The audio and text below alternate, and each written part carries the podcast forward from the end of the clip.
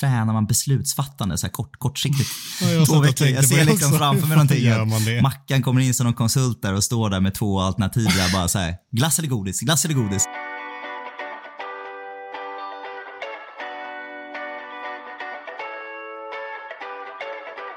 Can Manchester United score? They always score.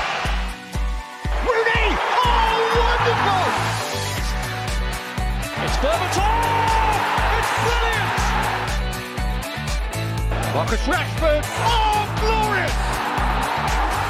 That is a special one! It's Beckham! It's a beauty!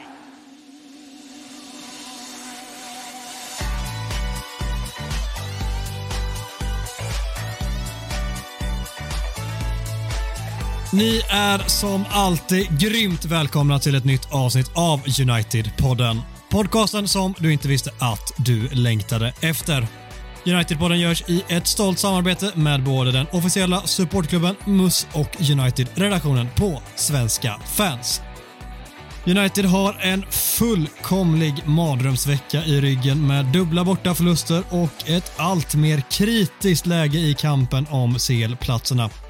United mår skit, vi mår skit, ni mår skit, men vi ska försöka genomleda detta tillsammans och ta oss ut starkare på andra sidan. Eller hur Mackan? Så är det. Fan vad jag är rätt person att ställa den frågan till alltså. Otroligt. Där kommer jag vara positiv och optimistisk. Det är, det är vad vi behöver i den här tiden, känner jag. Ja, du som går den här ständiga kampen mot dig själv på golfbanan, vad har du för tips när allt känns motigt? Hur jobbar man sig förbi det? Jag vet att du inte har svaret här, men vad, du, löser ju inte det i praktiken, men kanske har du svaret i teorin som du bara inte kan applicera på dig själv. Mm. Försöker tänka på något sån här, eh, så här riktigt brett svar som en eh, psykolog kan ge en. Typ, ta djupa andetag och eh, tänk på det som är positivt med ditt liv. Just det, det. är- det är väl det då. Andas i en rektangel eller vad fan är det de pratar om, kvadrals kanske? Ja. Nej, men jag, jag eh, är ju... eh, Jag är ju kanske pessimisten själv, så jag, jag känner ju med alla som är eh, katastroftänkande och pessimistiska efter den här veckan. Verkligen alltså. Ja, Okej då. Gustav då, du kommer raka vägen från en gastkramande Championship-batalj med, jag vet inte hur många promille i blodet du sitter inne på nu. Det gör jag. Nej, men jag tog en eller två. Det gjorde jag faktiskt. Det ska jag vara transparent med här i public service eh, syfte. Så, men det är, nej men precis, jag kommer ner från eh, södra Bermondsey här. Varit nere och sett eh, Millwall eh, göra ett riktigt sån här botteljobb som vi säger. De ledde med 3-1 i halvtid mot Blackburn. Jag behövde en seger och lyckas förlora med 4-3. Så, eh, Herregud. all, all, all, allt jag tar vid den här veckan förlorar. hur, eh, hur, hur kom det sig att du var på The Den för att se den här matchen? Ja, nej, men jag har lite kompisar som bor där nere på eh, cyklingsavstånd även där. Det blir en följetong nu. Jag hade väl någon cykel, cykelresa till, eh, till eh, Stratford och West Ham här dagen innan igår alltså. Så, nej, så det blev en liten cykeltur ner dit och så körde vi, det är fint där nere faktiskt. Och så en liten, lite öl utanför arenan i solen och sådär. Så det, det, är en bra, det är en bra dag. Bra, bra stämning var det också. Hela vägen fram till 72 minuter eller någonting när, när Blackburn pajade det här. För de som inte har koll, vilket jag verkligen är en av dem, hur hela friden kommer det sig att eh, ni spelar matcher klockan ja, 15.00 i England idag? Ja, den kan man nästan, den kan ni nästan jobba er till. Jag känner att jag, vi tar den som dagens första livequiz. Varför har inte jag jobbat idag? Jag, jag bara gissar att det har med kröningen att göra, men det kanske är något helt annat. Titta. Det kan ju, precis så är det. Jag är ny, jag är ny kung. Prins, prins Charles blev eh, King Charles här i lördags. Och då fick vi en extra röd dag. Så då flyttade söndagen till måndag. Och så har vi fått en tredagarshelg igen. Två helger i rad faktiskt. Så det, då blir det, blir det fotboll på, på måndagar helt plötsligt. Ja, det är för jävla gött. Har du gjort någonting kul i helgen förutom fotbollsmässiga jävla mardrömmar? Det har varit eh, mest fotbollsmässiga jävla mardrömmar faktiskt. Men med en West Ham-förlust som var... Vi ska prata om den matchen tänker jag kanske. Så vi kan, vi kan spara det, det lilla godbiten lite då. Eh, och så lite Millwall idag. Spelade lite tennis i förmiddags också innan dess. Så fick lite sport. Det gick inte bra det heller faktiskt. Det var det otroligt Ja, otroligt inkonsekvent i mitt tennisspelande. Så det var, det var inget vidare. Sen så, nej, man, man träffade lite kompisar, man tittade väl lite, lite blygt på tvn kanske när det, när det kröntes en ny kung första gången här på över 70 år. Uh, men uh, nej, annars en ganska lugn, lugn helg. Ja, kul. Alltså, man kan ju märka att jag bara försöker steka Gustav som är lite i gasen, försöker få honom att säga någonting kul här. Kan vi, pa kan vi pausa nu så att jag kan, dricka, kan få dricka en liter vatten? Bara, gå över till mackan igen, ska jag dricka en liter vatten så tror jag det här blir bättre. ja, han kanske behöver en liter vatten. Men har du, alltså, öl har du väl inte druckit? Det är väl inte din grej? Du dricker väl eh, ja, allt annat utan öl? Sluta nu, gå över till mackan så Gå över till mackan. Jag är för fan superkoncentrerad nu för att inte säga något dumt. ja, Mackan, vad, du, vad, vad har du gjort i helgen då, Mackan, som inte är uh, United-relaterat? För det vill vi fan inte prata om än.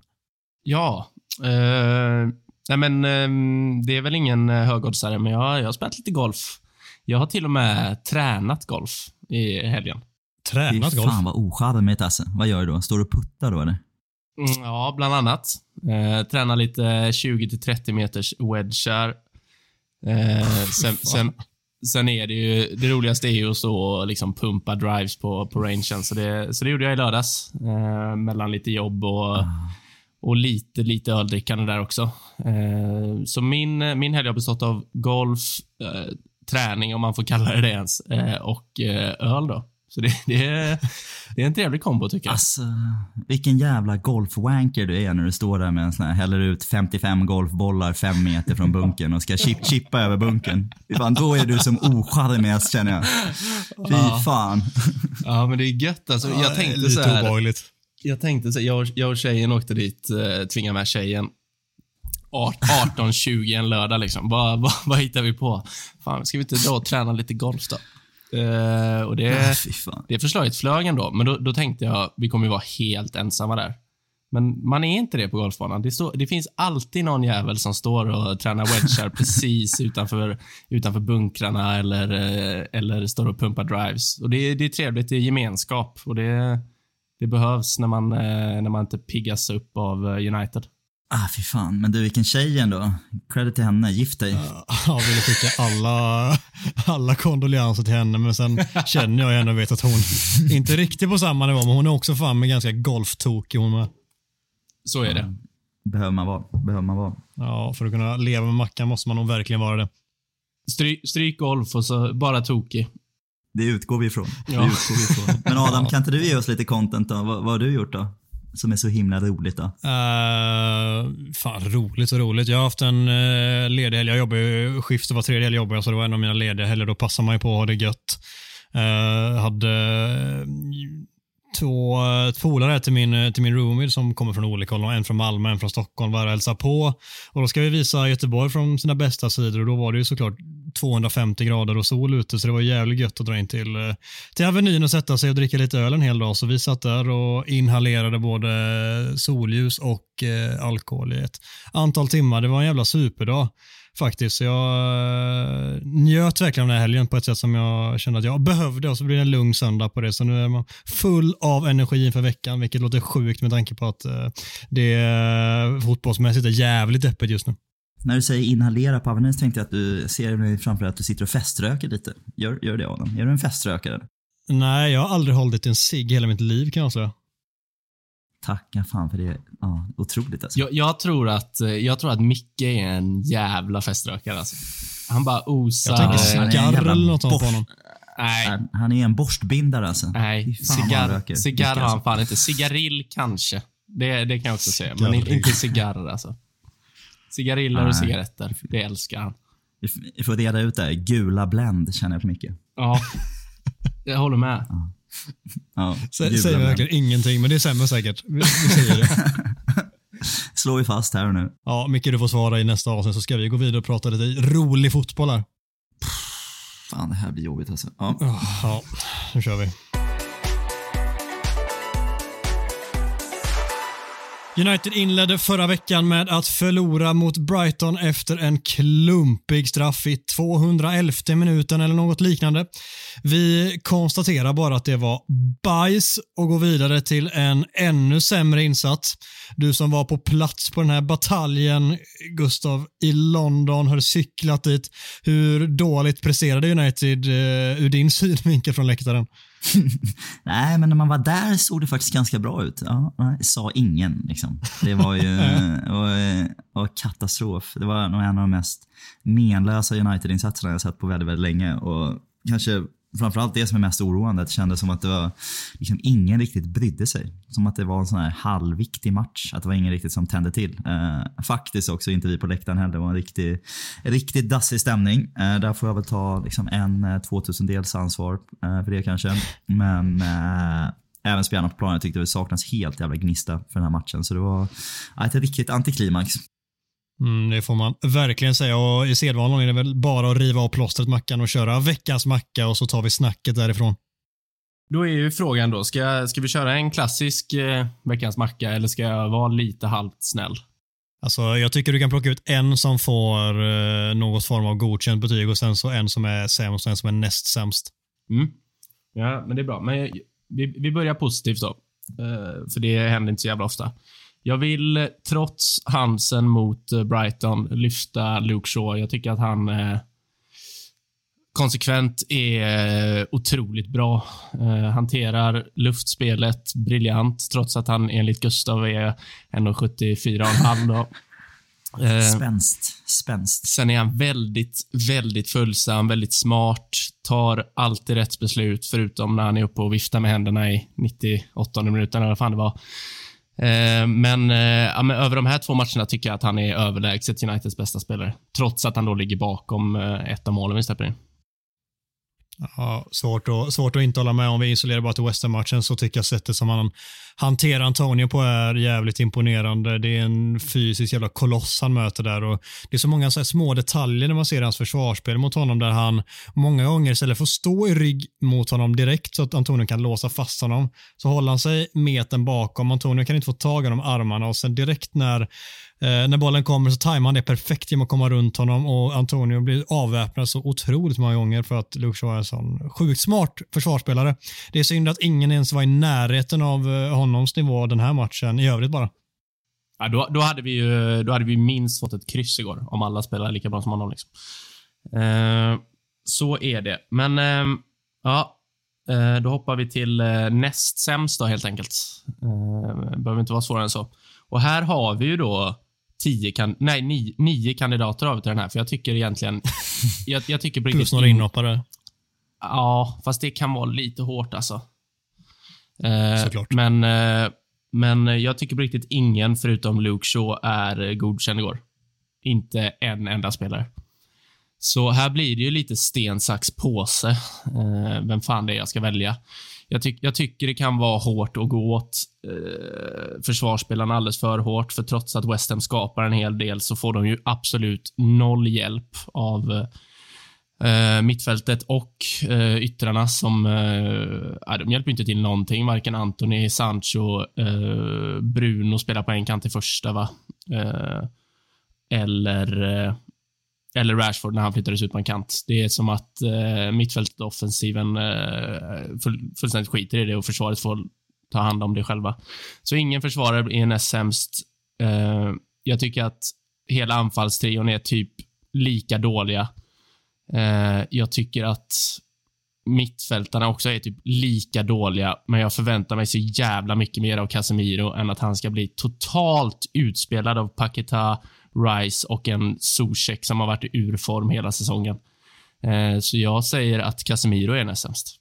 Tycker det är på, verkligen på sin plats. Han, han var svag även mot Brighton, i, om i andra halvlek framför allt, och eh, kom inte ens i närheten upp i någon form av nivå i, i hela matchen mot West Ham. Så tycker det är en fair eh, utnämning, särskilt med tanke på hur mycket cred och mycket beröm han har fått i den säsongen så ska han såklart också sågas när det är eh, rättfärdigat och det är det verkligen. här.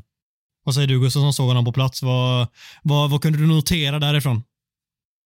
Eh, såg eh, lite längre ut än Luke Shaw, kunde jag se redan från min, från min plats. Man ser att han, eh, han har en decimeter på, på Luke, det tror jag. Ehm, nej, men jag skämt jag, jag håller med. Jag tycker att han, eh, nu vet jag att vi, det var någon match här vi håsade upp honom lite och tyckte att han var väldigt bra, men i grund och botten ser han inte riktigt lika stabil ut när han kommer tillbaka efter sin, sin avstängning här. Eh, så jag undrar lite vad det är som vad det är som har hänt där. För Brighton var han verkligen inte bra mot heller och det, det är konstigt. Det är, jag vet inte, du ska väl såga fler spelare här. Eh, och jag vet inte om du går framåt i banan eller om du ändå väljer att gå bakåt i banan kanske efter den här matchen. Men det är ju ja, det är förvånansvärt tycker jag när man har så många alltså kreativa, duktiga fötter på mittfältet generellt att vi inte kan skapa mer chanser. Och jag tycker att Casemiro kanske inte ska vara den stora, stora nyckeln till det, men hans liksom, första öppnande passningar eh, fram till frontlinjen liksom, kom inte fram heller. Så jag tycker att det är, äh, det är en väldigt svag insats. Så det känns på sin plats. Han missar ju så jävla mycket enkla passningar också där han så här, på ett tillslag ska försöka hitta en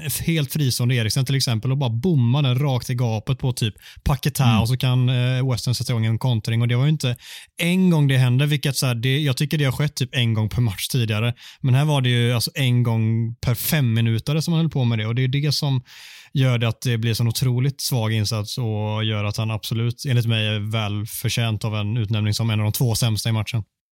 Mm. Ja, Känslan är ju lite sån här brasiliansk karnevalbakfylla sen han blev, eh, sen han blev utvisad mot eh, Palace där och fick den där, vad var det, fyra, fyra matcher var det han var avstängd. Det, jag, mm. jag tycker att den, den, stora skillnaden på honom innan avstängningen och efter är att de, här, de här felpassarna har han ju haft i sig egentligen hela säsongen. Skillnaden då är att han, då, han bryter tillbaka, eller han vinner tillbaka den direkt och hittar rätt andra gången. Nu kommer han ju fel in, dels i passningsspelet, men i positionsspelet, i tacklingsspelet. Um, alltså hela tiden. Jag vet, jag vet, att ni hyllar honom som fan efter Aston Villa-matchen där. Eh, men då har han ju också en idiottackling i minut 19 som med lite otur är ett rött kort igen. Liksom. Så det, jag, han är helt, eh, helt otajmad i det mesta nu. Jag, jag, förstår inte riktigt vad det är som har hänt där. Men skit i honom nu. Han var inte sämst, för eh, vi har ju en spanjor en spansk slips där bak som... Eh, ah, jag, vet inte, jag vet inte hur många misstag han är uppe i nu denna säsongen som man tänker bara, alltså den hade jag tagit. Eh, och igår... Alltså när Ben Rama skjuter där, så jag tänker åh fy fan vad skönt han skjuter. För det är ju ett bra läge han har. Och det, han, han förvaltar ju inte läget bra alls, tycker jag. Och det sker... Nej, dåligt skott. Ja, vä väldigt dåligt skott. Uh, och jag, jag, vet, jag, vet, inte vad det sker håller på med. Jag, jag, kan inte, jag kan inte greppa riktigt vad det är som händer där. Eh, jag såg att han, han halkar lite, men det är ju så jävla eh, tafatt och eh, slappa handleder. Alltså, även om han halkar så har han ju bollen. Det är bara det att han fumlar in den. Och Sen har han ju flax. Antonio gör ett mål som blir bortdömt. Det tycker jag fan är ytterst tveksamt. Alltså jag, jag hade blivit irriterad om United fick det bortdömt. Eh, Nej, jag tycker den är rätt, men vi kan, vi kan diskutera den sen. Ja, och så, och så har han ju han har några svaja ut, äh, uppspel. Dels efter typ fem minuter när Rice bryter den och eh, West Ham är tre mot tre i backlinjen. Så äh, jag, jag tycker det är bara usel insats och det är inte bara misstaget. Jag tycker egentligen allt han gör igår är ganska dåligt. Mm, alltså, ja, och framförallt så lägger jag så otroligt mycket vikt vid att det här är en spelare som ska vara en av våra bärande spelare med mest rutin, som ska stå upp när det blåser, som ska, när, mot vissa unga spelare som vi har i laget, ska visa liksom att det, det är lugnt, ni kan lita på mig, men då är det han som sätter oss i skiten istället. Det sista vi behöver en sån match efter att ha fått 0-1 i arslet i 98 senast och vi hamnade i ett lite lurigt läge positionsmässigt i tabellen det sista vi behöver då är att få en mardrömsöppning borta mot ett West Ham som behöver poäng för att eh, kravla sig kvar i ligan. Som vi vet kan, när de får med sig publiken, kan få ett jävla tryck och ett jävla go i laget. Då, alltså det sista vi behöver då är att en av våra viktigaste, bär, mest bärande spelare ska fumla till det på det sättet. Han har en sån förmåga att lyckas få bland de enklaste avsluten se ut som bland de svåraste istället. Det är så jävla dåligt avslut som ni pratar om, ändå så är det han som lyckas få det att se så jävla svårt ut och fumla in det i egen kasse.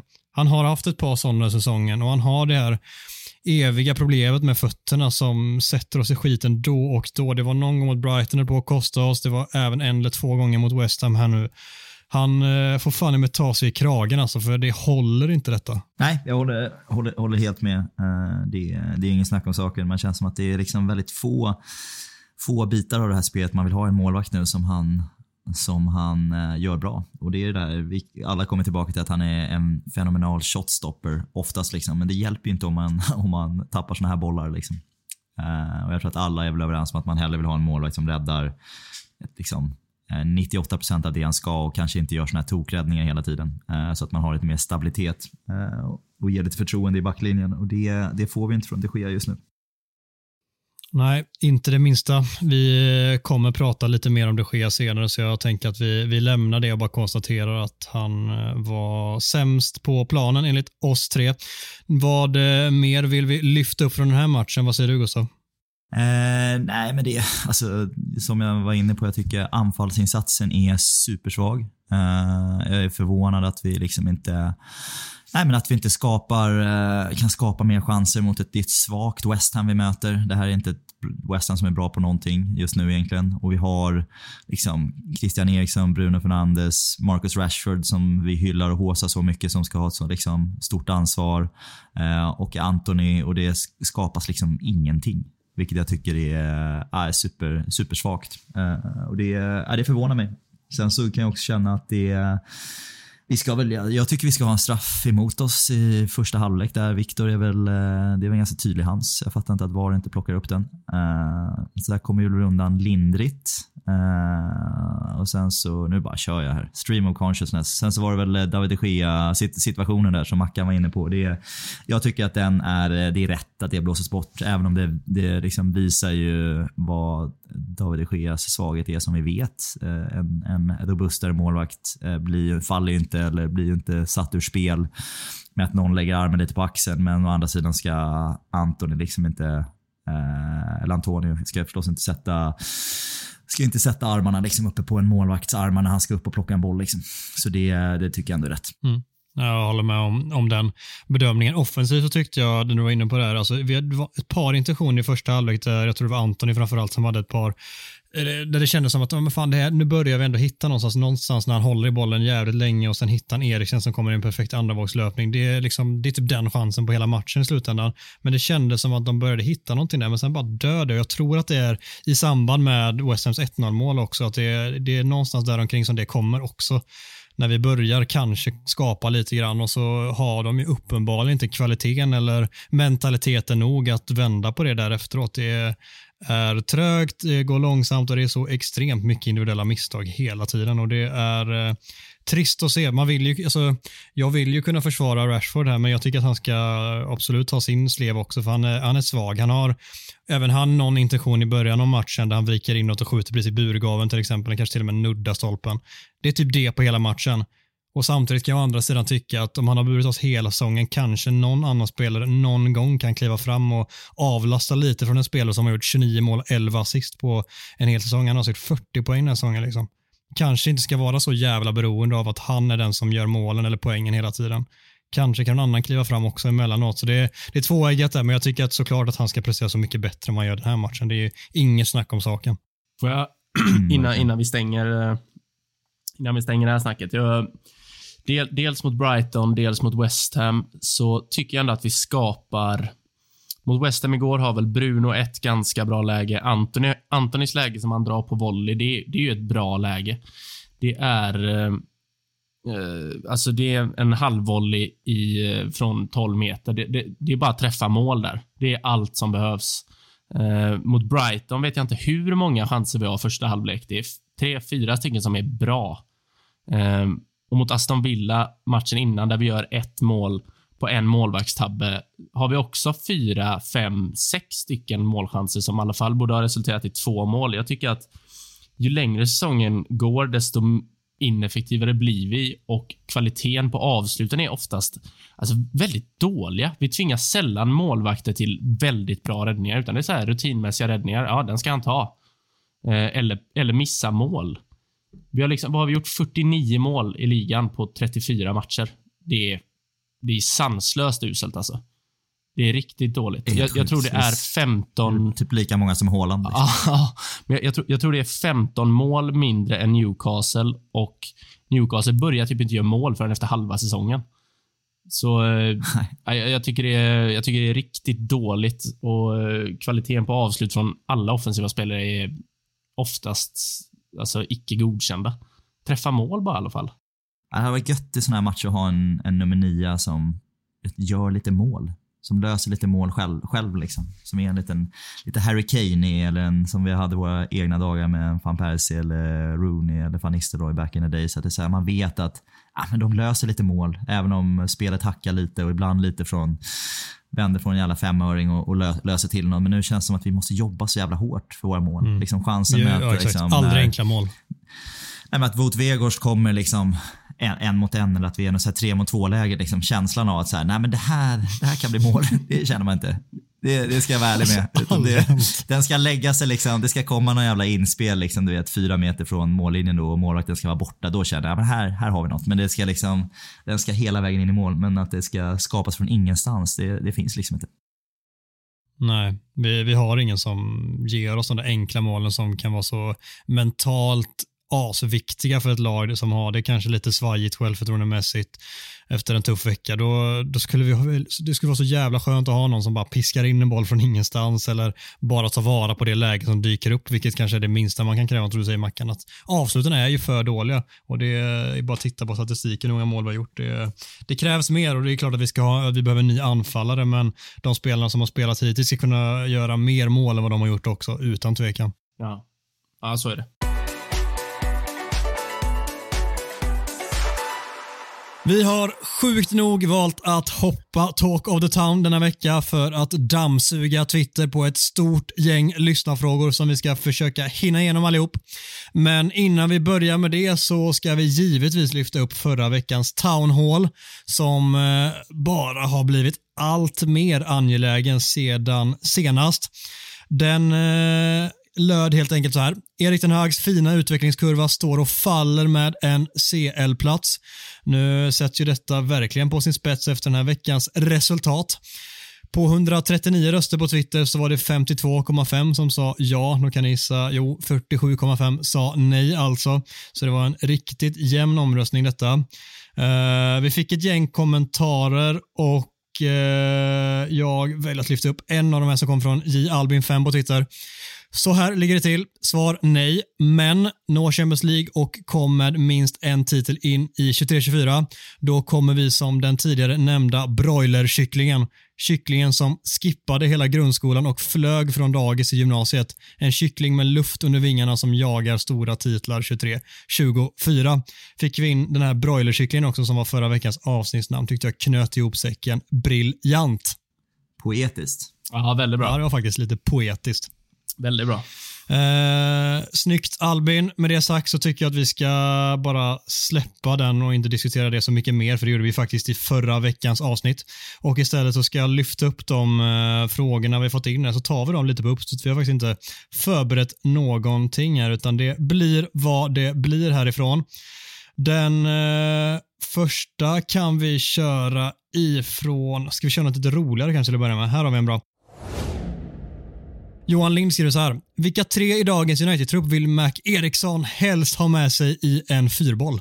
Ja, det är en ruskigt bra fråga här av Johan.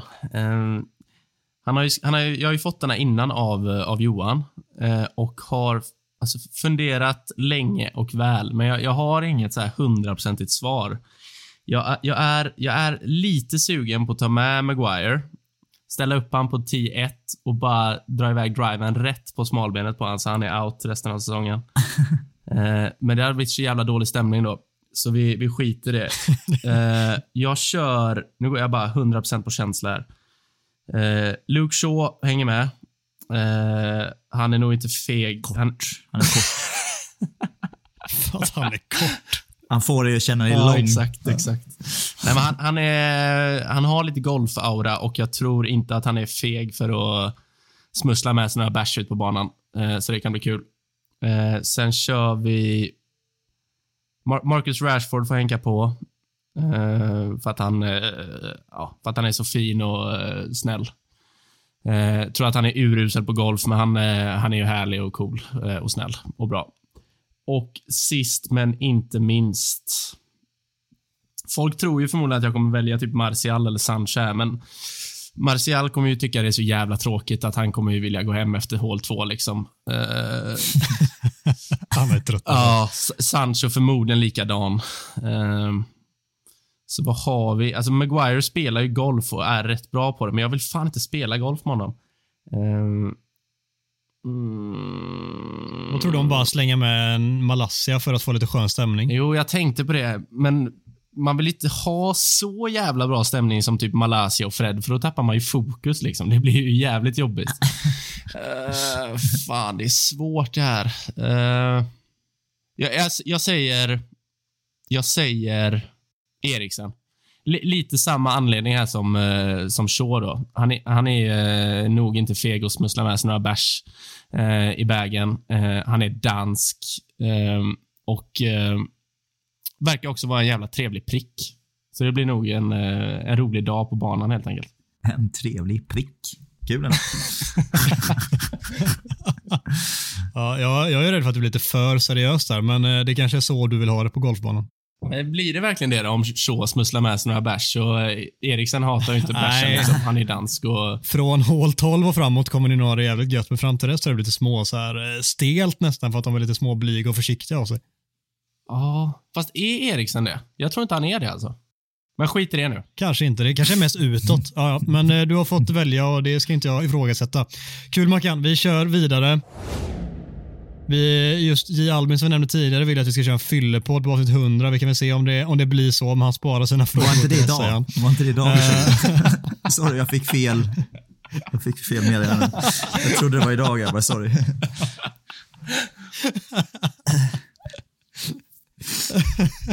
Ja, du, du, kan få, du kan få nästa fråga, så att det är på samma spår. Henrik Amrén skriver så här, kan ni köra en videopodd en dag så jag kan koppla röst, ansikte och namn? Vill vi verkligen det Gustav? Eh, ja, nu tror jag. Men vi kanske kan, vi kan lägga ut bilder, profilbilder på så kan de få gissa vem som är vem. Som är vem. Men det, nej, det funkar inte. De har ju, vi har ju våra Twitterbilder i och för sig. Så här blir det när det är fyllepodd alltså. Jag vet inte. Kör, kör Men- en video, videopodd, det blir bra. Har inte du och, har, har inte du och Micke försökt er på det där innan? Jag, Eh, ja, vi försöker. Fin, finns några guldklimpar där ute i etern. Eh, fan, det Supersatsningen. Vi är ju faktiskt före, före United-podden. Before the United-podden så var det United-vodden. Eh, kändes väldigt rätt i tiden. Eh, där, man kan, där man kan se oss faktiskt, mig och Micke i alla fall. Otroligt ambitiöst projekt eh, som lades ner efter typ fem avsnitt. Eh, inte, inte på grund av bristande kvalitet, eh, utan på grund av andra anledningar. Det, det var konstnärligt för, för knepigt för, vår, för våra, våra lyssnare och tittare tror jag. Det var liksom för, ja, det var för highbrow tror jag. Så vi, vi eh, dumb it down lite Ja. och så kör vi podd med er, er två dummisar istället. det, det som hade varit eh, kul med att köra en videopodd där, det är ju att eh, lyssnarna slash tittarna då får ju ta del av Mickes olika steg där. Eh, som du eh, fick lära dig när han var i Manchester. Där. Hur var det nu? Det var Ja. tre steg var det va? Ja, väldigt, väldigt sexy först. Alltså för så här sjukt jävla osar sex när, när det kommer fram en kamera. Och sen säger man, "Ah, men kan du inte försöka liksom vara lite mer, se lite glad ut bara. Du behöver inte se ut som att du liksom ska sätta på mig utan bara se, se lite glad ut. Och då, då får man liksom en sån här jävla Lasse Kronér eh, tjo och tjim liksom. Det blir så jävla liksom, nu säljer vi Billys panpizza på, eh, på Willys här liksom. Nu, nu är det extra erbjudande. Och det är inte bra heller. Då säger man, nej men lite, det behöver inte vara så mycket, utan så, lite lugnare så. Och då får man en jättefin bild. Han är ju ganska, ganska bildskön, Micke, men det tar liksom, tre, tre bilder tar det.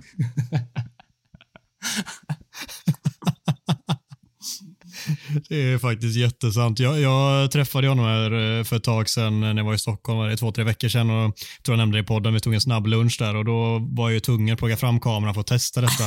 Eh, jag glömde dock att det var tre bilder så jag fick ju bara de två första varianterna. Fick ju inte den tredje och snygga och fina varianten utan de två första i alla fall. Men de var ju skitgoda. Ja, det så är det. Klassiker. Ja, det är otroligt.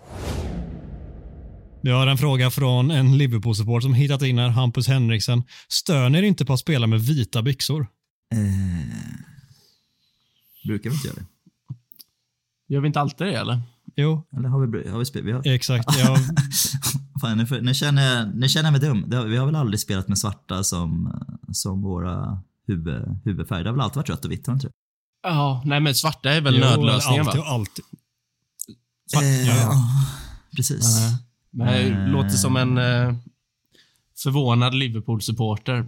Som, det är också konstigt att han ställer frågor om andra lags ställ när Liverpool har helrött som alltså, kan vara... Ja, det är så Ah, fult. det är eller? så jävla fult. Alltså, helvitt, helsvart funkar. Helrött. Nej, det är otroligt fult. He- helt i någon annan färg än vit och svart, det är ju fult Ja. alltså. Så, Det är äh, det. märklig fråga. Märklig fråga. Verkligen. Ja. Ja. Nej, vi skickar tillbaka den. Ja, den, eh, den får vi fan roasta och skicka tillbaka. Vi har en fråga från Anton Jakobsson som undrar först och främst hur din eh, järnfemma mår efter helgen, Mackan. Ja, det mår bra. Tack som frågar. Okej, stanna där tydligen. Du, du kan få fortsätta på nästa fråga Ja. som också kommer från Anton Jakobsson. Vad tror vi om våra ytterbackar som är på lån just nu, till exempel Laird och Fernandes? Kommer det bli något av dem eller är det försäljning som står på dörren? Ja, det är en bra fråga. Eh, kan jag återgå till järnfemman eller? Fernandes har ju blivit... eh, ja, där, där är du betydligt mer påläst. Nej, men Fernandes har ju fått jättemycket eh, ros för sin säsong i Championship. Laird har väl haft det, där, där ska jag villigt erkänna att jag inte har haft stenkoll, utan Fernandes har man ju sett uh, fått uh, en hel del utnämningar för sina prestationer, men Laird har väl gissningsvis haft sina skadebekymmer som vanligt.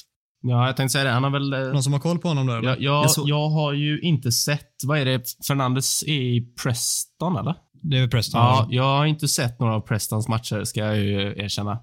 Det jag har sett är väl att han har spelat eh, eh, spelat en del och gjort en del poäng eh, och har väl en fin inlägg, inläggsfot som vi, som vi har sett tidigare. Eh, Laird har jag ju stora förhoppningar på eh, i grund och botten på, den, på grund av den spelare han är och hur, hur, hur frejdig han är offensivt och eh, ändå följsam, snabb, bra defensivt. Men jag, jag, jag lutar ju åt att ingen av de två kommer slå igenom. Tyvärr. Det känns lite så. Det, det känns väl ofta så som att det eh, steget är ofta större än, än vad man tänker sig. Fernandes, eh, Preston precis och Ethan Laird var ju i QPR här. Men på tal om Preston North End så tittade jag faktiskt på deras match tidigare mot Sunderland. Mest för att jag ville se eh, Ahmad Diallos insats där och han gjorde mig inte besviken.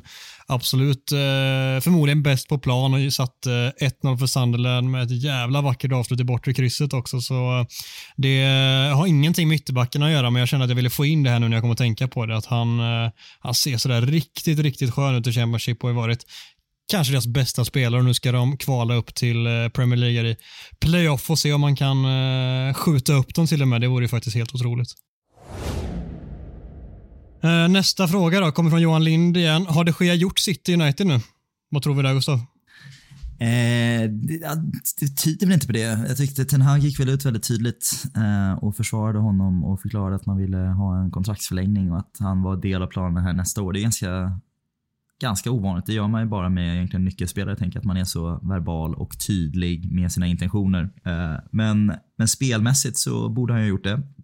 Om man tittar på den här säsongen har varit och framförallt om man tittar på vilken missmatch det är med hur Ten Hag helst hade velat spela, eh, spela fotboll eh, bakifrån och använda målvakten som en elfte spelare i speluppbyggnaden så borde man ju verkligen kanske börja titta, titta sig om eh, och tänka lite, tänka lite annorlunda. Men det verkar ju som att man, eh, man känner sig på något sätt investerad i jag vet inte vad egentligen. Eller att man, om man vill ha kontraktet och kunna sälja honom en dag. Men det kommer man inte tjäna så mycket pengar på heller. Men man verkar ha bestämt sig att man inte vill släppa honom på en free, free transfer i alla fall. Uh, och det... Ja men eh, jag vet inte. Han, kan, han kanske, jag gillar ju honom som person. Det har jag alltid gjort. Jag tycker att han är lite lagkaptens material. Jag tycker han har varit liksom redig i intervjuer. Uh, eh, tydlig och känns som att han har stort, stor vinnarskalle och stort United-hjärta. Så han kanske är, kanske är viktigare för truppen än, än vad, vi, vad vi ser på planen bitvis. Men eh, nej, men jag tror, att han, jag tror att det verkar som att han är kvar nästa säsong som första målvakt också. kom ju rapporter från Manchester Evening News och ESPN tror jag det var idag, vilket eh, är källor som är vad de är, som verkligen blandar och ger. Men eh, där heter det att Ten Hag eh, absolut utåt backar, det sker väldigt mycket, men har mer reservationer internt och att det är inte alls otänkbart att det plockas in en målvakt också. Att de Gea får en lite annan roll nästa säsong då där han eh, inte alls är lika gjuten att det ska vara en målvakt som ska utmana honom ordentligt om första spaden, vilket jag ändå tycker är märkligt om man har sina reservationer för någon, släppa honom här och hitta någon som man tror stenhårt på istället för att eh, på något sätt eh, hålla kvar någon på en väldigt hög lön som kanske ska sitta kvist i stora delar av säsongerna framöver. Det, det förstår jag inte riktigt i valet, även om det såklart ska ska hyllas för en målvakt lång och trogen tjänst och nu är den målvakt som gjort flest eh, matcher i Manchester United någonsin. Det, det är klart det finns jättemycket fint där, men någonstans kanske man bara ska cut the ties och vara glada för det som har varit, men eh, blicka framåt istället. Det känns så, ja. även om han har väl hållit flest nollor i Premier League också. Det är ju, som sagt, jag tycker vi ska inte basha David Gea, men det har, vi har försvarat honom många gånger och förklarat hans värde som han har haft för United. Mång, många av hans säsonger har han varit, när vi har varit som sämst, så har han varit vår bästa, bästa spelare, tycker jag. Eh, nu var det ett par år sedan, eh, så jag håller med om att vi kanske ska börja blicka, blicka framåt lite. Men ingen, ingen större skugga ska falla över de Geas United-rykte, tycker jag. Vi har en liknande fråga Mackan som du kan få svara på från Martin som undrar eh, hur högt vi bör prioritera målvaktsposten. Ja. Fan, jag tycker det här... Eh, det känns som jag svajar i det här varje dag, typ, eller efter varje match. Eh, jag börjar nog luta över åt din sida här, Adam. Jag tycker att den ska vara jävligt högt prioriterad. Jag tycker att en anfallare är fortsatt högst prio, men sen tycker jag nog fan målvakt är andra prio alltså. Ja, det är så. På den nivån eh, till och med. Tidigare har vi varit väldigt noga med att det är mittfältare som ska in, men det är, det, du tycker att målvakt har klivit om där nu? Ja, och det beror ju inte på att mittfältet har dominerat de senaste veckorna. Det beror ju helt enkelt på att eh, på att jag tycker, alltså det gör sån jäkla skillnad. Jag, alltså, Allison i Liverpool är väl typ det största och bästa exemplet som finns. Vilken eh, skillnad han, han gjorde till det Liverpool-försvaret och den trygghet och pondus han, eh, han sprider. Ehm, så eh, jag, jag, tror ju, jag tror ju att hela Uniteds defensiv, även om den har varit bra i stora stunder den här säsongen, kommer bli ännu bättre med en, eh, med en tryggare och bättre målvakt. För det är, alltså, David Gea är fortfarande en bra skottstoppare, men han är ju inte, han är inte topp fem i världen skottstoppare längre. Heller. Nej. Nej, verkligen. Eh, och då blir det lite för många brister, för han är inte en så bra målvakt att man kan förbise bristerna med fötterna eller eh, luftspelet. Eh, vilket man kanske kunde göra för fyra, fem år sedan. Det, det kan man inte göra längre. Så jag, jag, tycker att vi behöver en ny målvakt i sommar. Martin undrar om vi har några namn att lyfta upp. Jag vet att du tidigare lyfte upp Magnan. Är det fortfarande nummer ett för dig? Ja, hundra procent. Sen, eh, sen kommer inte det hända. Så... Eh, fan, målvakter är så jävla osexigt egentligen, men... Eh, eh, jag, jag säger då... Eh, jag säger... Eh, eh, vad fan heter Portomålet än? Diego Costa. Diogo Costa. Mm. Diogo, Diogo, Diogo, Costa. Costa Diogo Costa eller David Raya, säger jag. Inverterad ytterback FM på Twitter skriver så här. Om ni hade tvingats välja mellan att i resten av era liv på repeat kolla på antingen Wout Weghorst när han försöker få iväg ett skott eller de Gea när han ska använda sina fötter. Vad hade ni valt? Gustav, du är först ut. Uff, svårt. Så jobb, jobbigt att sitta och tänka att man ska sitta och titta på någonting på repeat i resten av sitt liv överhuvudtaget. Jag vet inte vad man skulle vilja se överhuvudtaget. Där, alltså. eh, men det, om man ska välja, på något sätt så finns det, jag ser någon, någon så här lyteskomik i att se Wout Weghorst eh, sätta ner stödbenet. Liksom det, finns, det finns någonting i mig som, som blir lite varmt inombords när jag ser det också. Det är något lite som en, liksom en klumpig son som försöker och inte riktigt kan. Så jag, jag gillar liksom jag blir inte riktigt lika arg och ledsen där faktiskt när jag tittar på Wout, Weghorst. När, när jag ser David de Geas, liksom, när han börjar blicka upp i banan och tänka att så här, nu ska jag liksom lägga bollen till rätta och försöka slå en 25 meters passning här längs backen. Då blir jag orolig och ledsen. Liksom. Så jag känner jag vill inte vara orolig och ledsen eh, på repeat resten av mitt liv. Så det får bli Wout Weghorst då.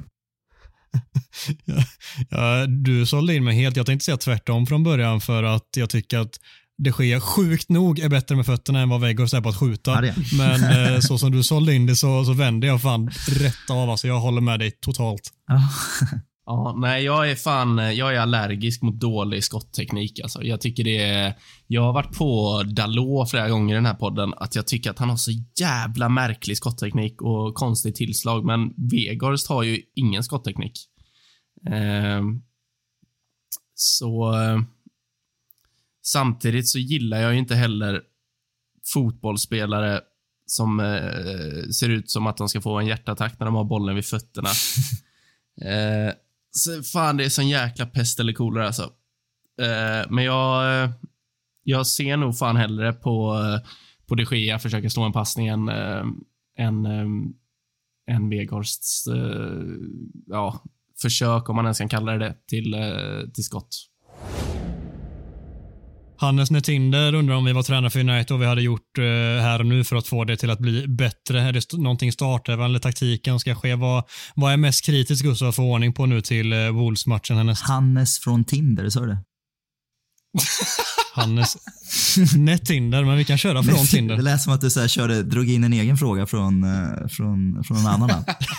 Hannes från Tinder slängde in den här också från, från sidan. Skulle kunna tro, men nej, inte så. Alltså, av den anledningen tappade jag absolut allting som du sa efter det. Var det var, det var för, förbättringar vi skulle göra snabbt som tränare? Var det, var det frågan från, från Hannes? Ja, men exakt, exakt här och nu för att fan stoppa blödningen och bara vinna nästa match mot Wolves. Vad, vad, är, vad är viktigast? Är det någonting taktiskt? Något i startelvan? Vad, vad gör du? Puh. Ja, nej men det är ju blev ett oseriöst början på det. Jätte, en jättebra fråga vad, ja, vad, vad fan gör man just nu liksom? Jag, jag skulle nog, jag är väldigt trött på Weghorst och Martial och jag har slagits för det tidigare att jag tycker att eh, vi ska köra Rashford där uppe. Så jag skulle, jag skulle jobba in Sancho, Rashford, Anthony kombinationen. Låt dem, låt dem gnugga på där uppe. Jag tycker ändå jag har sett mest potential i den, den trean. Eh, så det är väl det enda jag skulle kunna tänka mig som kanske inte har använts så jättemycket. Som eh, jag tycker hade varit en bra lösning. Annars så man kan liksom inte trolla med knäna. Vi har, vi har det lag vi har. Vi kan, inte, vi kan inte köpa, sälja, låna någonting. Eller jag, tycker inte, jag tycker att han har gjort ett fantastiskt jobb med att få in eh, Shaw och Lindelöf. Liksom stoppa läckan som hade kunnat bli, det hade kunnat bli katastrof här om vi hade kört Maguire, Lindelöf eh, och sett hur det hade sett ut tidigare. Liksom, det här, den här säsongen kunde vara helt förlorad. Eh, så han har ju löst, löst den blödningen snabbt. Eh, Mittfältet går inte att göra så mycket, mycket åt. Det skulle inte ändras mycket i taktik. Så nej, upp med Rashford som nia och jobba in. Eh, vi får spela Anthony Sancho då. Och Garnacho då, i den mån han är, han är frisk också. Så det, det hade jag gjort. Om Garnacho är redo för att starta så hade jag velat se honom från start mest bara för att få den här ungdomliga entusiasmen som någon som bara kör, som alltså, går rakt på hela tiden. Kanske inte lyckas varje eller ens varannan gång, men när han väl lyckas så skapar det någonting. Jag, jag skulle vilja ha in det i någonting som rör runt lite framåt och få lite jävla energi. Jag tror att det hade varit väldigt, väldigt mycket guld värt för oss. Sen vet jag inte om han är redo för det, men jag hoppas verkligen att han kan spela så mycket som möjligt framöver också, för det, det skulle ge en, en eh, viktig eh, injektion i laget just nu. Nej, men jag håller med.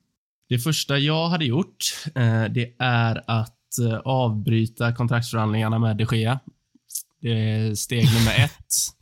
Så har vi det i världen. Eh, han får stå resten av säsongen, sen får han säga farväl. och så kommer han lämna som en stor spelare för United. Nummer två. Jag hade satt Jadon Sancho och Anthony på hårdträning gällande beslutsfattande. Jag, alltså, Jadon Sancho, sen han kom tillbaka, har gjort eh, några riktigt bra inhopp. Eh, någon fin start, några mål. Eh, någon fin assist. Antoni likaså har eh, blivit bättre den senaste tiden, men jag har fan aldrig sett två yttrar med sämre beslutsförmåga och eh, Alltså det ser ut som att de får panik. Jag, jag vet inte vad, vad det är som händer. Eh, så det hade jag gjort. Jag hade satt dem på... Eh, ta in någon jävla arg gubbe från Nederländerna och tvinga dem fan att hitta passning eller skott. Någonting ska ni göra, annars får ni inte spela. Eh, nummer tre, vad hade jag gjort sen? Um, jag hade nog satt ner Vegars i reservlaget och så, och så tar vi det därifrån. Sen tycker jag inte att han gör så jäkla mycket fel. Jag tycker att han har varit lite svajig de senaste månaderna, men eh, över, överlag så är jag ändå nöjd med honom. Jag tycker, jag tycker det är en kul, kul tanke med hur man hur tränar man beslutsfattande så här kort, kortsiktigt. Ja, jag två veckor. Jag ser det liksom också. framför mig någonting. gör? Mackan kommer in som någon konsult där och står där med två alternativ. Där bara så här, glass eller godis? Glass eller godis? och så går de på bara, godis. Och så bara, nej, det var glass. Och sen så, och sen så, håller, och sen så håller du på så där i två veckor tills du liksom känner att du har fått de svaren du vill ha. Snabba beslut. Ja, Jag vet inte hur det funkar. Men det, det är ändå, alltså det är en bra liknelse. Alltså det, det, är ju som, det är ju som när man tar med småbarn till glassbilen och de ska välja glass. Det är ju Anthony och Sancho när de får bollen och ska driva mot sin försvarare. De, de kan inte bestämma sig för vad de ska göra och så blir det ingenting. Eh, sen hur fan man tränar det, det vet jag inte, men någon i världen vet ju det. Så det är väl bara att hitta honom och eh, se till att lösa det då. Ja, det är kul alltså. Det är jävligt kul. Ja, ord och inga visor från dig Mackan. Starkt. Nästa har vi ett, eh, ja men vi har en, en trippel här som kommer först från Sadia Dasari som skriver Kan inte Adam bara dra igång ett quiz igen? Behöver fokusera på annat. Nej tack. Då svarar Jonas Blomqvist. Nej, det förstår jag, men det här tror jag du kan hålla med om mer. Jonas Blomqvist svarar så här då. Kan vi få ett avsnitt med quiz från Adam, golfsnack från Mackan, reseprogram från Kulle och en imitationsskola från Micke? Vilket jävla drömprogram alltså. Rätt gött.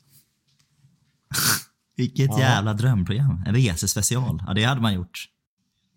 Känns ju som ett vanligt avsnitt typ. Jag. Ja, faktiskt. Det är det du har fått eh, snart, Ja. snart 100 avsnitt av. Ja, Sadjad svarar, svarar var just det. Är det Kulle som är typ globetrotter och faktiskt är sjukt kul att lyssna på? Eller att han skriver faktiskt också. Det, det var viktigt det. Faktiskt, ja, det är bra. Emot vad alla, Trots alla allt. andra tycker. Trots allt. Det är. Ja, men det är bra. Det är, ja, redan, nej, men det är bra. Det är tur att det finns en. Jag behöver bara en, en fan där ute, det har jag sagt sen tidigare. Så då får mamma, mamma ta break en vecka och så har vi en, en annan, annan fan. Så det, det, det tackar, tackar jag ödmjukt för. Det är bra om ni kan växeldra lite framöver.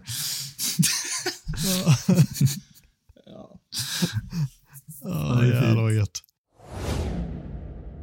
Olle Ahlsson skriver så här. Jag upplever att många pratar om Ten Hag som en tränare som plockar fram unga spelare, likt han gjorde i Ajax.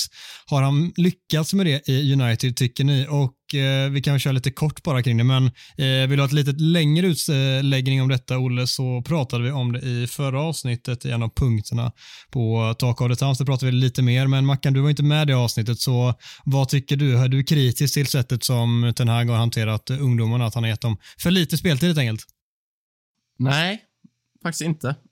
Sjukt nog är jag med Micke här som är så jävla emot eh, eh, hipster-supportrarna eh, som eh, skriker efter eh, U18-spelare i startelvan borta mot Chelsea. Eh, jag, jag håller med. Jag, eh, jag tycker som sagt att eh, det, är liksom, det är lite lättare för, för City, till exempel. Som, de, de gör ju inte det. Eh, men eh, ett, ett lag som liksom har en tydlig idé, har en tränare som varit där i flera år, är ett fungerande lag, då, då är det lite lättare att slänga in Rico Lewis på högerbacken, så kommer han lösa det. För han är så inpräntad i, i Citys och Guardiolas tankar och spelsätt. Eh, det är inte samma sak för Erik Ten Hag att slänga in eh, Kobe Mainu på ett mittfält som, eh, som fungerar ibland. Det blir ett jäkla ansvar som läggs på en eh, 17-18-årings axlar. Så jag, jag tycker att eh, han har skött Garnacho, eh, eller hanterat Garnacho eh, väldigt bra och eh, ja, får man fram en sån spelare varje säsong så är det ju MVG varje, varje gång. Liksom. Så eh, jag tycker ändå att han har gjort det bra. Vi går vidare till Mattias Hanssons fråga. Varför kan vi bara spela, ett hyfsat, eller varför kan vi bara spela hyfsat bra borta mot spanska topplag, läs Barcelona? Ja, vad är det frågan om? Varför har vi det så jävla svårt på bortaplan, Gustav? Det, eh, ja, det, det är konstigt faktiskt. Jag, jag har aldrig riktigt förstått det där. Men det, nu, det är liksom den negativa vinkeln på att vi nu har blivit väldigt bra på, på hemmaplan. Som var ju ett problem tidigare. Så nu har vi ju liksom lyckats äntligen göra Old Trafford till lite av en hemmaborg igen. Men då verkar det som att det är borta, borta spelet som inte riktigt funkar. Då. Och jag vet inte, jag, jag vet inte om vi liksom har bitvis det känns som vi, eh, förutom mot Barcelona då, att det känns som att vi kanske är lite naiva på, på bortaplan. Att vi har lite för vi eh, får för oss att vi ska kunna ha exakt samma energi eh, och vara spelförande som vi har på hemmaplan och inte riktigt liksom lägger inte en gameplan på samma, samma eftertänksamma sätt på bortaplan. Och det känns som att vi blivit väldigt straffade för det. Eh, och det jag, jag vet inte riktigt varför, men det, det, är min, det är min grundkänsla i alla fall. Klart det finns den typen av förklaringar, utan tvekan. Sen tror jag samtidigt också att det, alltså, det, självförtroende har så otroligt mycket. Alltså det, det mentala spelar så otroligt stor roll i, eh, i idrotten och inte minst på den absoluta toppnivån att eh, nu har vi byggt upp någonstans kollektivt jävla självförtroende på hemmaplan där alla tycker det är så jävla skönt att komma ut på Old Trafford där inför hemmasupportrarna och vet att här kan vi prestera. Men det är som att det är lite att låst sig på bortaplan eh, för många av dem. Att här har vi haft det tufft när vi har varit på resande fot och det, det kommer liksom in även när vi har till exempel gjort en jättestark första halvlek borta mot Tottenham, en väldigt bra första halvlek borta mot Brighton. Det är som att det kommer inkrypande så fort man får lite press emot sig. Kommer man ihåg de här gamla insatserna när det har fallerat på bortaplan under säsongen och kan inte riktigt eh, tackla det helt enkelt, vilket förvånar mig med ändå ett gäng väldigt meriterande spelare på planen i till exempel en Casemiro, en Bruno Fernandes, en de Gea som ska kunna stå upp där och leda laget, men de lyckas inte det i tillräckligt hög grad och så blir det ett poängtapp eller en förlust igen och så blir det samma visa igen efter det. Vi har väldigt svårt att bara rida ut till en, till en seger på bortaplan. Vi får kämpa ordentligt för varje mål och meter på planen. Det, det är lite tvärt som det var under, ehm, under Solskjaer. Då kunde vi fan inte spela på hemmaplan. Eh, då kunde vi bara spela på bortaplan. Och det är lite konstigt det där. Eh, för alltså, alltså vi har ju ändå, jag tycker inte vi har varit så jäkla naiva. Eh, under Solskjaer kunde vi vara riktigt naiva, eller så kunde vi vara totalt motsatta. Liksom. Det är stäng igen och fokusera på kontringar. Eh, gärna en eh, treback eller femback beroende på hur man ser det och utnyttja motståndarnas misstag. Eh, jag tycker inte vi spelar riktigt så under Ten Hag, men jag tycker ju att vi är mer på det spåret än att vi är för naiva. Sen, alltså, om vi tar till exempel Brighton-matchen som exempel, om vi tar Tottenham-matchen som exempel. Jag tror ju att hade vi varit mer effektiva och kliniska och gjort mer mål, det säger sig självt, Eh, Eh, men då hade vi inte suttit här och eh, haft en poäng på, eh, hur många matcher blir det? På, på nio matcher mot topp nio lagen Då hade det inte varit en oavgjord och åtta förluster. Så, alltså vi, vi har ju exempel i närtid. Vi har Bruno Fernandes jätteläge mot Tottenham precis efter att de har gjort 2-1. 3-1 där, matchen är över. Vi har Brighton där vi har tre, fyra bra lägen i första halvlek. ingen resulterar. Um, så det, jag, det finns ju exempel där jag tycker att en bättre effektivitet och att vi är mer kliniska framför mål så, så har vi fler poäng på bortaplan. Sen sitter ju mycket, mycket i psykologin också som Adam är inne på. Det är svårt att sätta fingret på något, men jag tror att effektiviteten och eh, offensiven eh, är en stor eh, bov Ja, men verkligen. Och, det går väl lite i hand med självförtroende också med effektiviteten. Alltså det läget Bruno får, där får han det på Old Trafford så är det mål. Jag är helt säker på det. Men det är som att det bara, det vill sig inte riktigt. Av någon anledning så kommer in minsta lilla tanke i huvudet, eller det, jag vet inte vad det handlar om, men det, det vill sig bara inte. Den går ribba ut istället för ribba in eller nättaket. Och förklaringen till det är, eh, det får väl eh, Einsteins och dylikt sitta och forska i framöver, för det, det går bortom all mitt förstånd och det kan bli så, så otroligt många gånger. Då, då är det inte en slump heller, då är det någonting underliggande som, som måste gå att göra någonting åt. Frågan är bara vad och hur. Nej, men jag håller med. Eh, var det här enda frågan från Mattias Hansson? Eller har han slängt in några Nej, andra frågor? Mattias har, eh, han har, var det ledande det var. Han undrar också om Garnacho kommer att rädda United säsong. Nej, jag, ville, jag tänkte, har han inga frågor om Luke Shaws längd? För jag tycker han, eh, han är min Nej. Eh, favoritkonspirationsteoretiker där ute. Vi tillsammans kokar ihop eh, om, om Luke Shaws korthet, rent fysiskt. Så han har inga frågor om det.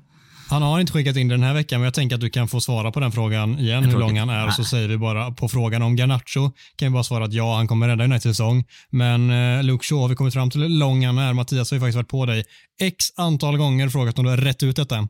Nej, jag skulle säga det att om han har ställt den frågan så har jag inget bra svar på det just nu. Men vi, vi jobbar på det, Mattias. Så, så eh, det var dumt att jag tog upp det nu om man inte har ställt den frågan. Men det, vi, vi jobbar på det. Jag lovar innan, innan säsongens slut så ska vi ha en ordentlig uträkning här som bekräftar eh, på millimetern hur, hur lång Luke Shaw verkligen är, eller hur kort han är. Hur går du tillväga då, Gustav? Det handlar inte om hur jag går tillväga. Det, går, det är, vi har ett team som jobbar på det där. Vi har, vi har outsourcat det där till Asien. Det är billigare. Eh, och de är duktiga på da, da, data. Så vi har massa, massa olika punkter. Vi har satelliter uppe just nu som, som studs, studsar data ner, ner mot jorden och tillbaka på, på Luke Shaw i alla, alla situationer. Så vi, ja men det här är, det här är på väg bara. Håll, håll ut. Garanterat inte över 180 cm. Det, det kan jag slå fast här och nu. Det, det, det ser vi redan nu. Det ser vi redan nu. Det låter sjukt jävla lovande. Med det sagt så är det dags att gå vidare på den. Vi tackar så hjärtligt för alla briljanta frågor och så kliver vi vidare och ska prata om en riktig ångestmacka till match.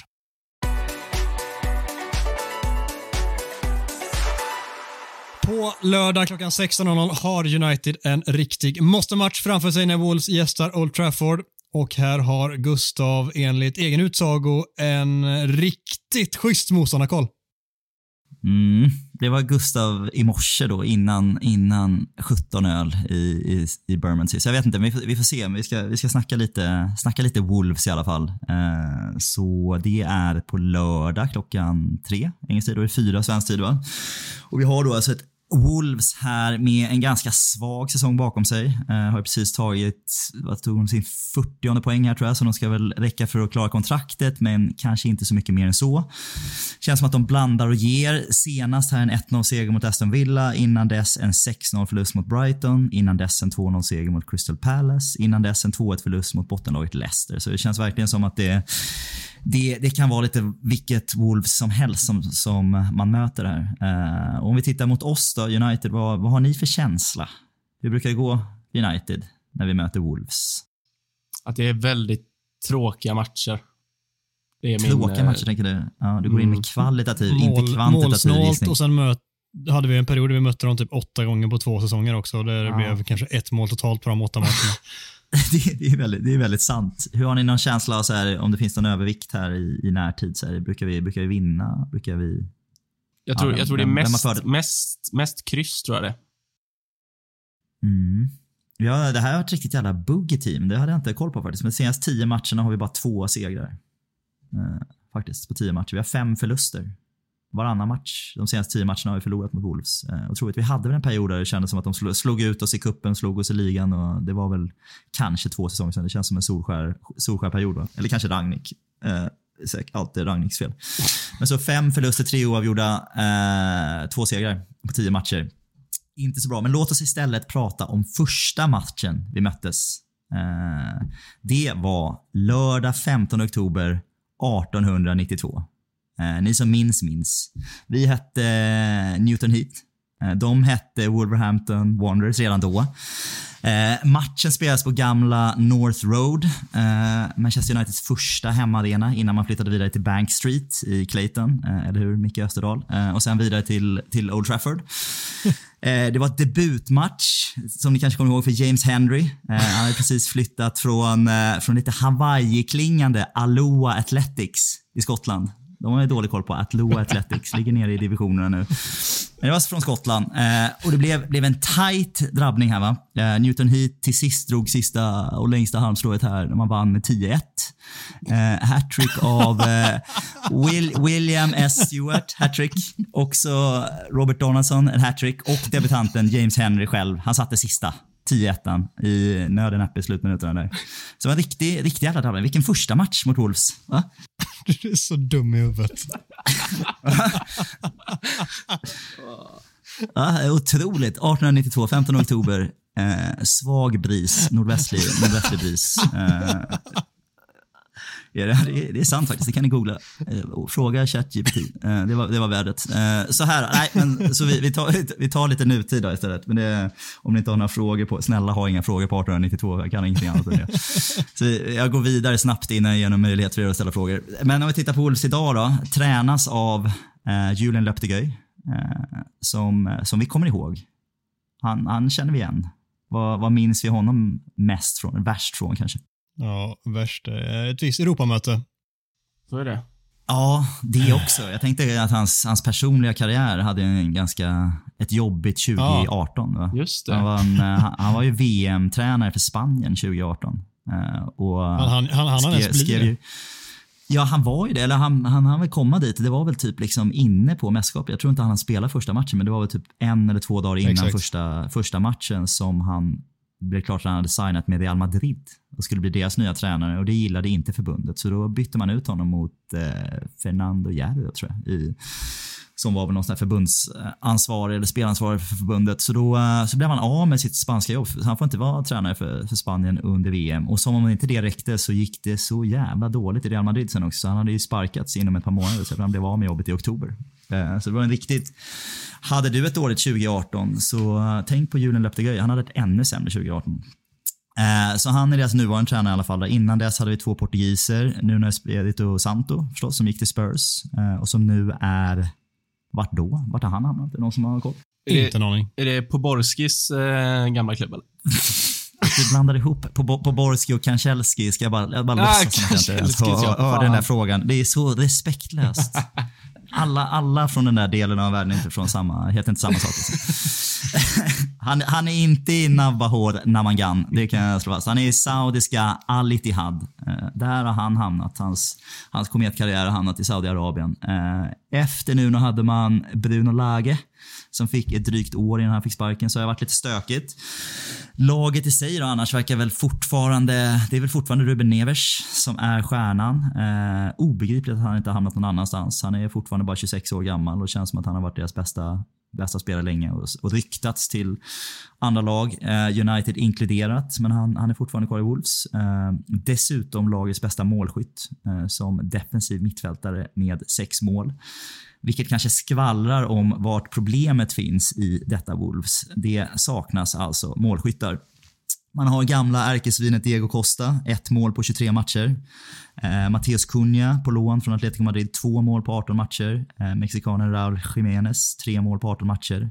Sydkoreanen He Chan Wang, tre mål på 29 matcher. Eh, så här ser ju Wout Weghorst ganska bra ut faktiskt. Då får man lite så här, då känner man, så jävla dum är han inte ändå kanske. Där har, han- har han några, han har mött sina, sina lika, likasinnade där faktiskt. Så det, man kanske inte ska vara så oroliga för Wolves ändå. Jag vet inte vem det är ska göra mål, med, det är väl Ruben Nevers då. då. Eh, så jag känner mig ganska trygg inför den här drabbningen. Hur känner ni? Att eh, vi verkligen, verkligen bara ska vinna den här. Dels på grund av det du säger att Wolves inte kan göra mål, men vi vet ju också att vi kan släppa in mål mot precis allt och alla. Det är någon som kastar in en egen kasse eller någon som drar på sin straff eller fan vad som helst. Men med det sagt så trots att vi har en jävla tung vecka i ryggen och motiga resultat på senare tid så har jag svårt att se oss inte vinna det här, vilket kanske är sjukt att säga, men jag känner verkligen att vi kommer vinna den här matchen. Mackan, vågar du säga emot här? Pessimistmackan. Eh, jag tror inte vi vinner. Jag tror vi kryssar. Så eh, är det 0-0 med det. Jag, jag tror på riktigt att det blir 0-0. Jag, jag tror på fullaste allvar att det blir 0-0. Så rolig är jag. Ja, kul. Nej, det, det, vore katastrof. Nej, jag, jag går in och är lite, lite muntrare än så. Jag tror att nu, det blir lite islossning nu faktiskt. Det är, Wolves är svaga, har inte så jättemycket att spela om. Uh, vi, uh, vi får ett snabbt eller, eller två snabba, så vi vinner den här matchen med typ 4-1 eller så här. Jag tror att det här, den här löser vi lite bekvämt. Fint. Jag tror på en 2-0, men lite mer krampaktigt, även om det kommer kännas rätt tryggt i slutändan. Vi kommer ha full kontroll på matchen, men inte riktigt kunna få sk- tillskapat de där riktigt heta målchanserna. Sen får vi det där förlösande målet i typ 55 och sen så gör vi 2-0 ganska snart därefter och sen så vinner vi med 2-0. Inga konstigheter, vi tar den där trean som vi behöver och tillbaka på rätt spår igen. Garnacho gör, han gör det andra, för han bytte in tidigt i andra. Hur gött som helst. Härligt. Fan vad trevligt. Ja, det känns la jävla gött. Nu eh, ska vi lämna här och vi ska ringa upp eh, Micke Martinsson, men det får inte lyssnarna höra. Det ska de vara jävligt tacksamma för. Vi ska ha lite schysst poddmöte här. Vi tackar för den här veckan så länge, så eh, får vi väl eh, hoppas att vi kommer tillbaka nästa vecka med lite mer skjuts i stegen än vad vi har haft den här veckan. Det var, det var kämpigt, hörni. Det ja, jag var fick det. slita idag, men det, det ska, jobbet ska göras. Så är det. Jobb, jobbet ska göras. Tack för att ni har lyssnat. Fortsätt eh, följa oss. Följ oss på sociala medier som inte gör det. Och så hörs vi igen nästa vecka. Ta hand om er.